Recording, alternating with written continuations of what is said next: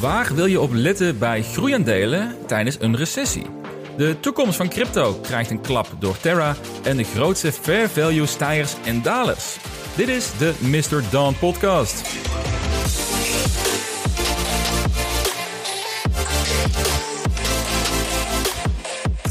Het is zover. We hebben heel kort de officiële bear market regionen aangeraakt. De S&P 500 die kukelde afgelopen vrijdag onder de 20% van de all-time high. Al zorgde een redelijke vrijdag ervoor dat we nog net boven die lijn zijn uitgekomen. Maar voor beleggers in met name tech en groeiendelen ja, is de bear market natuurlijk al een, uh, al een tijdje een feit. Want de Nasdaq is al ruim 30% onder zijn all-time high inmiddels. Dus ik vermoed dat veel luisteraars van deze podcast de bear market al enige tijd ja, sterk merken in hun portfolio. En de geluiden over een mogelijke recessie die blijven ook aanzwengelen. En dan focus ik mij op Amerika in dit geval, want in Europa ja, lijkt de recessie eh, sowieso aanstaande te zijn. Ik moet wel toegeven dat het allemaal iets spannender voelt dan het waarschijnlijk is. In essentie betekent dit dat we eventjes een pas op de plaats moeten maken. Maar zolang de werkeloosheid laag blijft en mensen hun leningen kunnen blijven betalen, ja, dan is dit ook alweer een periode waar we doorheen gaan komen. Al blijkt dat wel meer een vanzelfsprekendheid in Europa dan in Amerika. Want daar uh, komen inmiddels steeds meer signalen dat consumenten meer moeite krijgen om hun leningen te betalen. Dat land is dan ook gebouwd op schuld en een uh, surplus aan luxe. Maar goed, daar zouden we de komende maanden dus wel meer over kunnen gaan horen. Al lijkt met name de grootste problemen te ontstaan in de wereldwijde voedselvoorziening. Daar gaan wel echt de, uh, alle alarmen vooraf dat voedseltekort een aanstaande crisis kan gaan worden. Maar goed, jij en ik, wij kunnen dat probleem niet oplossen. Dus het heeft weinig zin om ons daar zorgen over te gaan maken. Ik leef bij het standpunt dat je je met dingen bezig moet houden waar je invloed op hebt. Ja, niet met zaken waar je geen impact op kan maken. Dus in dat kader laten we deze aflevering eens bespreken hoe je door de moeilijke periode heen kan komen. Met de focus op beleggen in groeiaandelen in tijden van economische moeilijkere tijden of dus zelfs een recessie. Daar gaan we zo meteen de aflevering mee starten. Want wat zijn de punten waar je op wilt letten en wat wordt extra belangrijk bij het bouwen van een portfolio? Aansluitend wil ik stilstaan bij een van de grootste fiasco's in de cryptowereld tot nu toe. Namelijk de zogeheten stablecoin, wat best wel een ironische term geworden is, eh, genaamd Terra. En het leukste, dat bewaar ik voor het einde van de aflevering. Namelijk welke aandelen zijn na de laatste earnings calls meer of minder waard geworden op basis van een discounted cashflow analyse. Veel verliezers, dus bereid je daarop voor. En twee aandelen die juist in waarde zijn gestegen. En de vier aandelen met de hoogste upside, die ga ik ook benoemen in deze aflevering. Dus dat is vast iets waar, uh, waar jij als luisteraar nieuwsgierig naar zult zijn. Maar voordat we starten, eerst nog de bekende disclaimer. Dit is geen financieel advies. Doe altijd je eigen onderzoek en beleg alleen met geld dat je kunt missen. En vind je dit een toffe podcast? Dan zou je mij helpen om een score achter te laten via de Spotify-app of via Apple Music. Welke aandelen wil je kopen in tijden van een recessie? Dat is een vraag die ik kreeg van Robert via Twitter. Of beter gesteld, naar welke extra factoren van aandelen kijk je tijdens een recessie? En dat vind ik zo'n relevante vraag dat ik hier in deze aflevering uitgebreid de tijd voor wil gaan nemen. Een recessie wordt vaak namelijk direct als een aanleiding gebruikt voor een aanstaande bear market. Dus, hè, dus dat minimaal 20% daling van de indices vanaf de all-time high. Feit is echter, en daar ben ik ook pas achter gekomen tijdens het onderzoek voor deze aflevering, is dat een recessie niet altijd gepaard hoeft te gaan met een bear market. Dus in de vroege jaren 80 heeft een economische recessie in Amerika geleid tot slechts 15% daling van de indices. En tien jaar later leidde een recessie tot maximaal 18% daling. Dus een recessie leidt wel degelijk tot afkoeling van de beurs, maar niet altijd tot een zogeheten bear market. Een ander scenario zagen we in 2000, maar toen was sprake van een pure overwaardering van heel veel aandelen. De S&P 500 was toen gewaardeerd op 26 keer de forward earnings en de 10 jaar treasury yield was boven de 5%. Momenteel is de waardering van de S&P zo'n 20 keer de verwachte earnings en ligt de 10 year treasury yield onder de 3%. Dus ondanks dat de beurs in totaliteit niet goedkoop te noemen is, ja, zitten we ook zeker niet in een vergelijkbaar scenario als in 2000. Sowieso stond eh, de beurs toen bol van bedrijven met enorme schulden, waarbij de groei werd gefinancierd puur met leningen.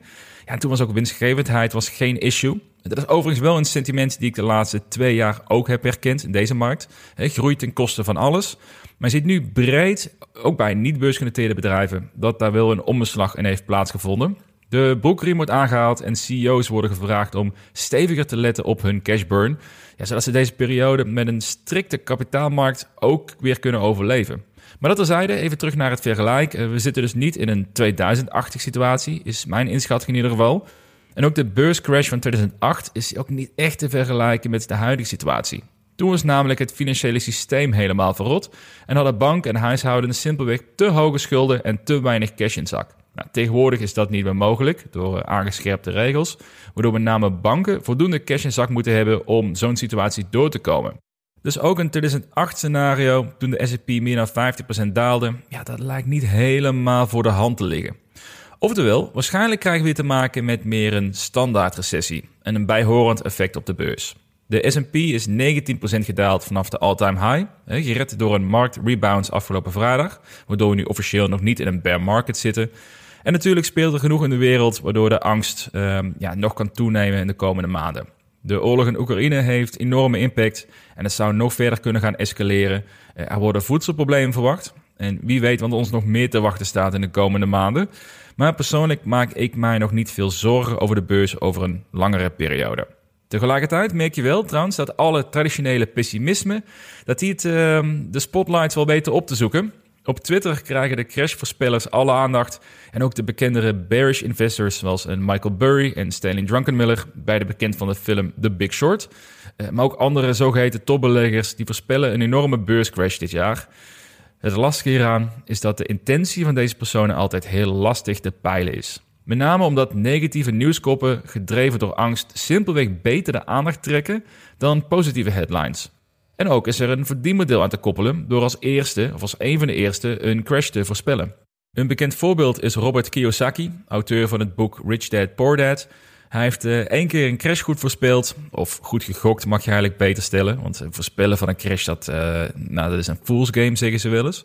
En sindsdien krijgt hij alle aandacht van, uh, van mediakanalen. Dus als je voor de lol gaat googlen naar deze namen, met de term crash erachter en die willekeurig jaartal, ja, dan zul je zien dat ze al jaren dezelfde crash voorspellen. Ook al vanaf 2012, toen een gigantische bull market van start gegaan is. Dus wat mij betreft laat je niet gek maken door uh, bekende beleggers die een crash voorspellen. Want je hoort het alleen als zij het goed hebben gegokt en niet wanneer een voorspelling niet is uitgekomen. Ja, dat lijkt mij niet zo'n uh, gezonde basis. Los van het feit dat er genoeg data te vinden is over het effect van een recessie en de gevolgen bij een correctie of een crash.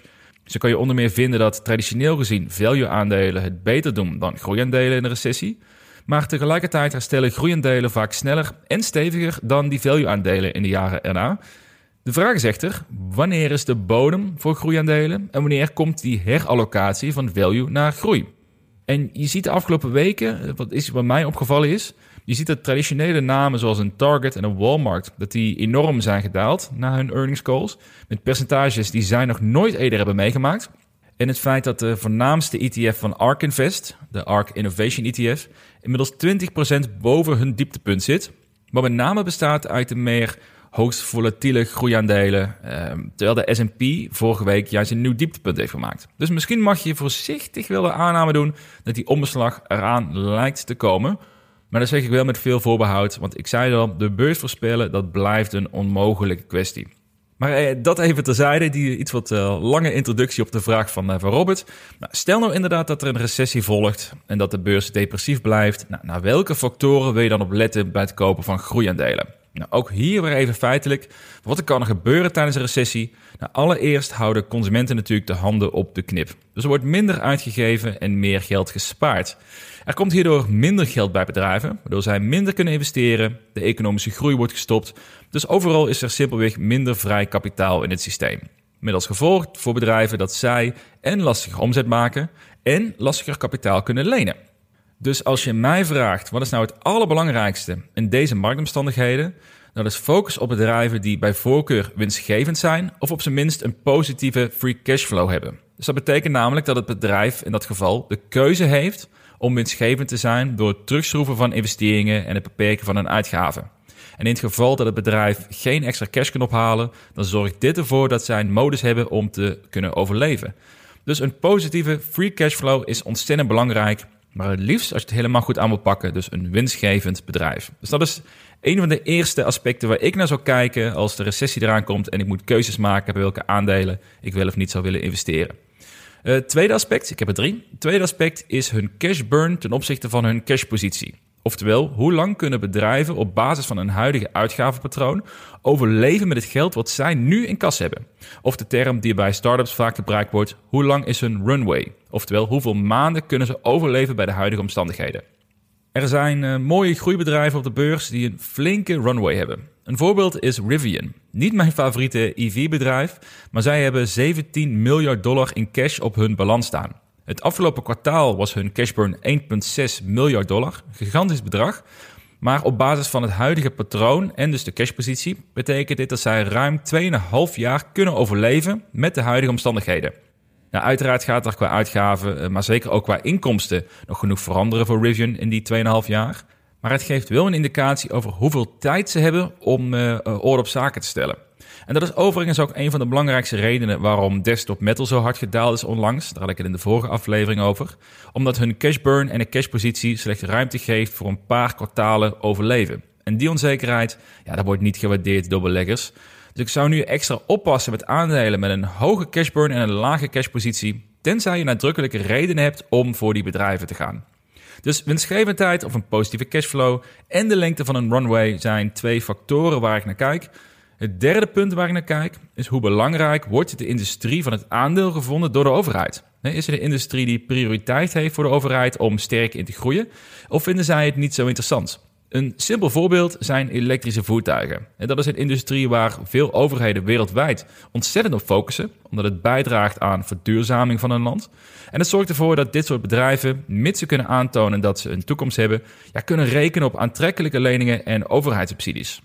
In Amerika is de zogeheten Do Loan Program vanuit het Department of Energy, waar bedrijven in de duurzame energiesector, zoals elektrische auto's, je ontzettend goedkoop kapitaal kunnen aanvragen of kunnen lenen, eh, mits je voldoet aan bepaalde voorwaarden. zoals dat het gros van de auto's die je bouwt, dat die in Amerika gebouwd moeten worden, eh, dat Amerikanen aan het werk worden gezet, enzovoort. Maar zo'n programma geeft bedrijven ja, net dat extra duwtje om in een lastigere periode te durven blijven investeren. Hetzelfde geldt voor 3D-printing, wat onlangs door president Biden benoemd is als een speerpunt om meer fabrikage in eigen land te krijgen. Dus ook daar zal hoogstwaarschijnlijk een aantrekkelijk steunpakket voor komen. Dus vandaar ook dat ik mij minder zorgen maak, bijvoorbeeld over mijn Canoe en Desktop Metal investeringen, omdat ze beide aanspraak kunnen gaan maken op die programma's en daar weer een extra optie hebben om de komende moeilijke periode door te kunnen komen. Dus conclusie op welke aspecten ik let bij groeiendelen tijdens een recessie. Nou, winstgevendheid of dus een positieve cashflow. Uh, hoeveel maanden hun cashpositie ruimte geeft op basis van een uitgavenpatroon. En of het bedrijf actief is in een industrie waar extra financiële steun in kan worden verwacht. Nou, tot zover het eerste onderdeel. Ik hoop dat ik dat uh, voor jou, Robert, dat ik het goed benoemd heb op deze manier. Maar dat is denk ik wel interessant. In ieder geval voor mezelf ook interessant om er even in mijn achterhoofd te houden. Uh, zeker met het besef dat uh, het gros van mijn portfolio niet helemaal voldoet aan die eerste twee aspecten. Maar um, tijd voor het tweede onderdeel. We maken even een flinke stap, want ik wil het graag hebben over crypto. En zonder te veel de diepte in te gaan overigens, maar ik ben overtuigd dat crypto de komende jaren in steeds meer portfolio's van beleggers een rol gaat krijgen. Dus ik blijf dit een interessant onderwerp vinden om af en toe te blijven, blijven benoemen. Zeker als er dingen gebeuren, zoals in de afgelopen periode, die echt het bespreken waard zijn. Onlangs is namelijk de crypto genaamd Terra, ook al bekend als Luna, helemaal ingestort. De waarde is praktisch compleet verdwenen. Nou, nu hoor je dat verhaal wel vaker, dat een, uh, van een zogeheten pump-and-dump crypto's, die heel snel meer waard worden nadat een aantal influencers het hebben lopen pushen, uh, maar nog sneller waar de stekker uit wordt getrokken. Maar dit is een ander verhaal. Terra is namelijk een zogeheten stablecoin, die al lange tijd tot de grootste crypto's ter wereld behoorde. En deze crypto werd beschouwd als een relatief veilige manier om je geld in te investeren, waarbij je jaarlijks 20% kon verdienen op het bedrag dat je deed steken. Oftewel wat je deed vastzitten in het netwerk. Noem het even een soort dividenduitkering wat je krijgt door uh, het netwerk te steunen met het aantal crypto's die je bezit. Veel crypto-investeerders die uh, hadden een flinke Terra-positie als een manier om geld te verdienen op een uh, stabielere manier in tegenstelling tot het geld op je spaarrekening laten staan, waar het sowieso minder, eh, minder waard wordt. Maar deze crypto is onlangs helemaal ingestort toen de markt de afgelopen periode op zijn gat is gevallen. En met ingestort bedoel ik dus dat de munt eh, ja, praktisch compleet waardeloos is geworden. Eén maand geleden was de crypto nog zo'n 100 dollar waard. En nu is het dus duizenden van een cent waard. Dus om in de waarde uit te drukken, als je een, eh, een maand geleden 10.000 euro hebt geïnvesteerd in Luna, dan moet de prijs vanaf het huidige punt 670.000 keer stijgen om break-even te draaien. Ja, dus zeg maar gerust, het is eh, kansloos, het geld is kwijt. En heel veel mensen zijn hun geld dus ook om definitief kwijt. Uh, het wordt nu nog gebruikt om een beetje mee te speculeren. Ik zag vandaag dat de munten 50% meer in waarde is gestegen. Maar goed, dat is voor diegenen die het leuk vinden om daar dus wat mee, mee te gokken. Um, maar ja, het, het, verhaal is eigenlijk best wel treurig. Het is nog niet eerder voorgekomen dat een munt met zo'n hoge waardering... ik meen dat ze zelfs lange tijd de top 5 hebben gestaan qua market cap... compleet door de bodem is gezakt. En er zijn dus wel initiatieven om Terra te redden... maar dit vertrouwen gaan ze natuurlijk nooit meer terugverdienen. En ik zei het al, dit is eigenlijk gewoon ontzettend treurig. Uh, voor twee redenen. Allereerst was Terra in crypto voor de meer conservatieve crypto-investeerders. Als je, als je dat zo mag uitdrukken tenminste.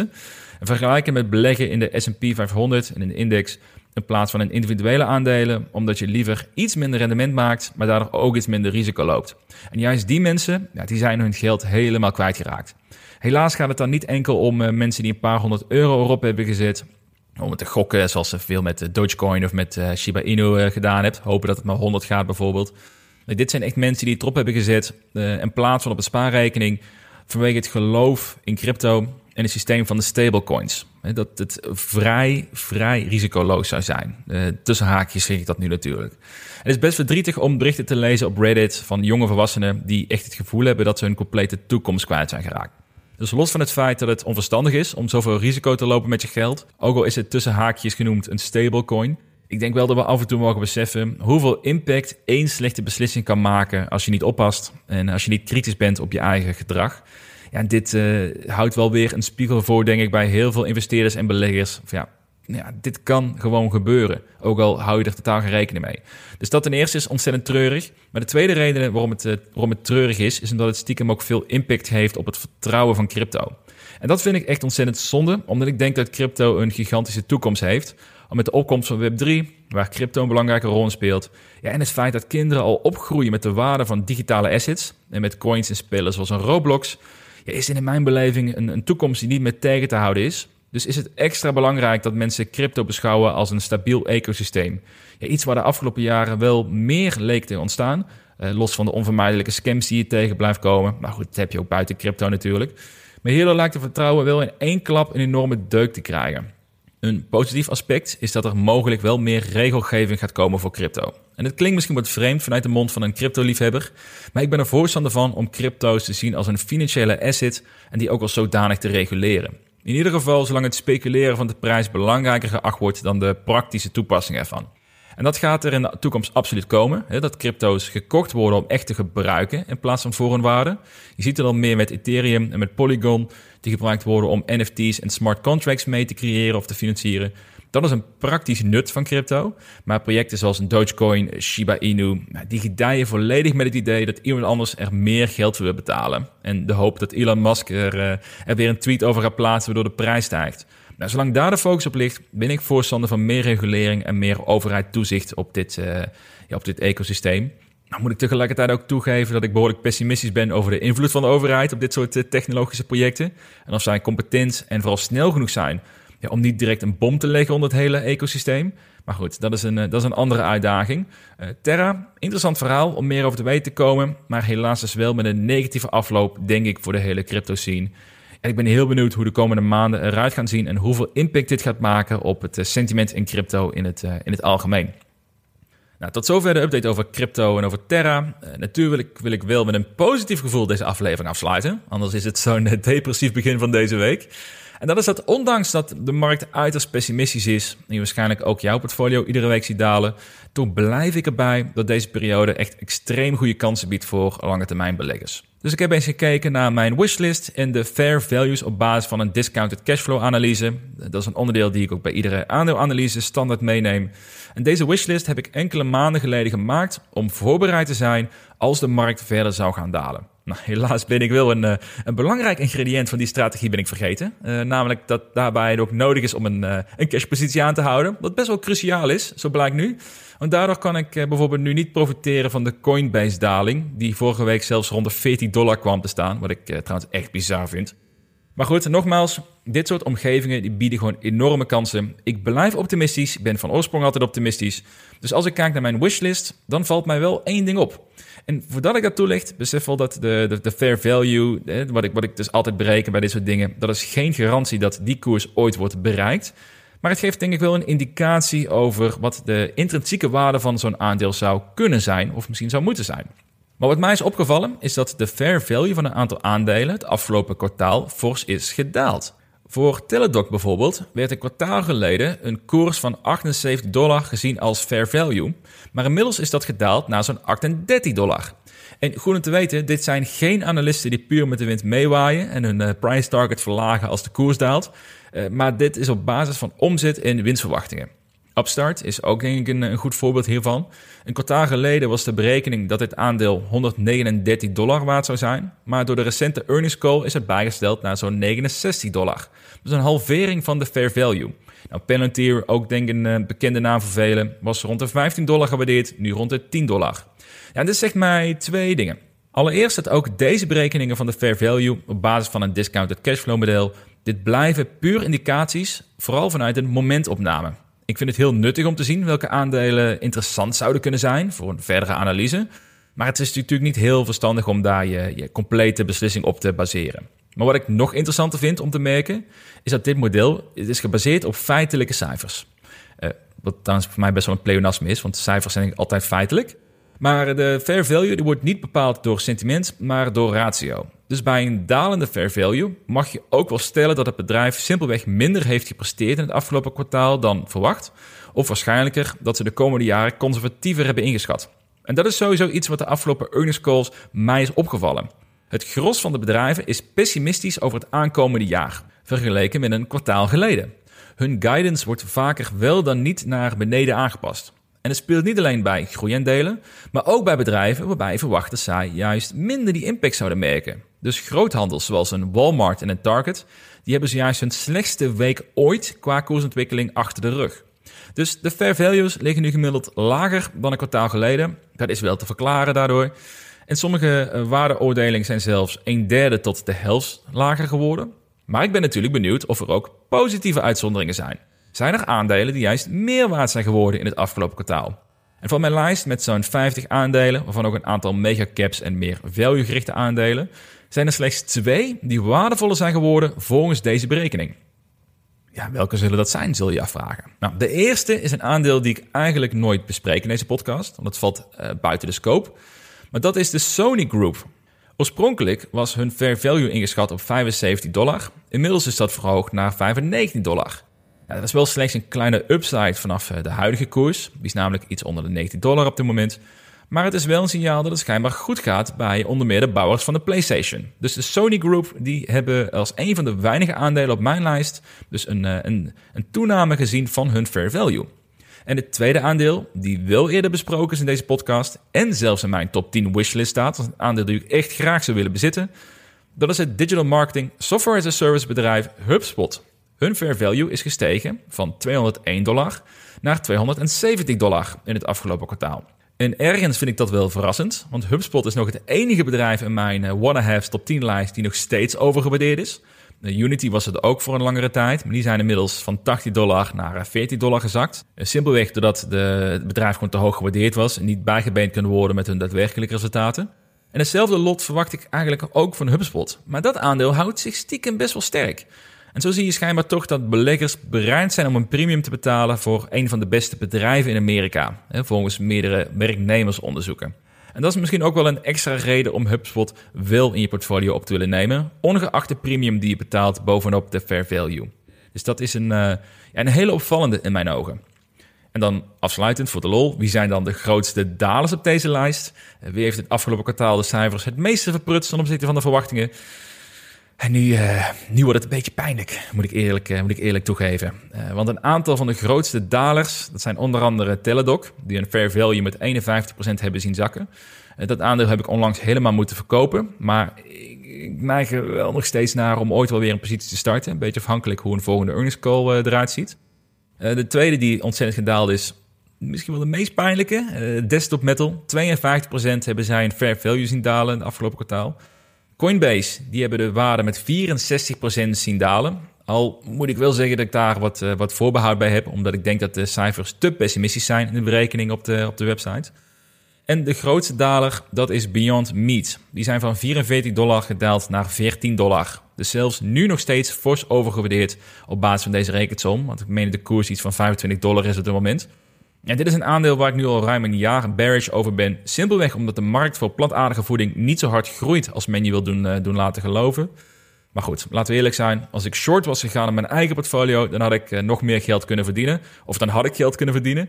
Dus ik heb niet het lef om mijn inzicht over Beyond Meat nu als een, uh, als een succesje te durven claimen. En dan wil ik ook nog de aandelen benoemen met de hoogste upside volgens deze nieuwe cijfers. Want nogmaals, de aflevering moet wel positief afgesloten worden natuurlijk. En dat is het quantum computing bedrijf die vorige week daalde door een short report, namelijk IonQ, met een potentiële upside van 87%. De tweede op de lijst is IronSource, het mobiele apps advertentiebedrijf met een upside van 75%.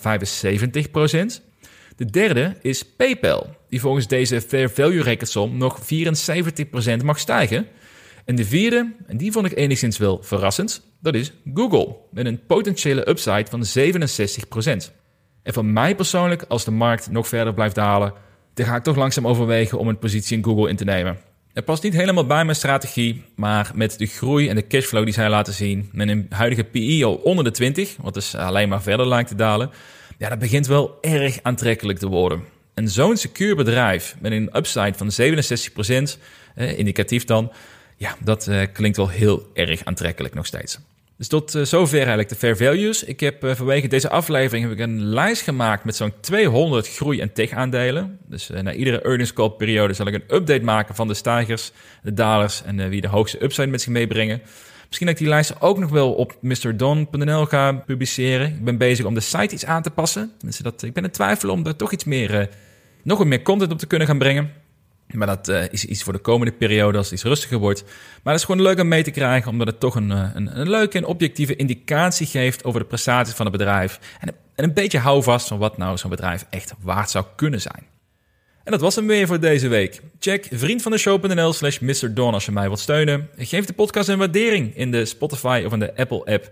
Dankjewel voor het luisteren en graag tot de volgende week.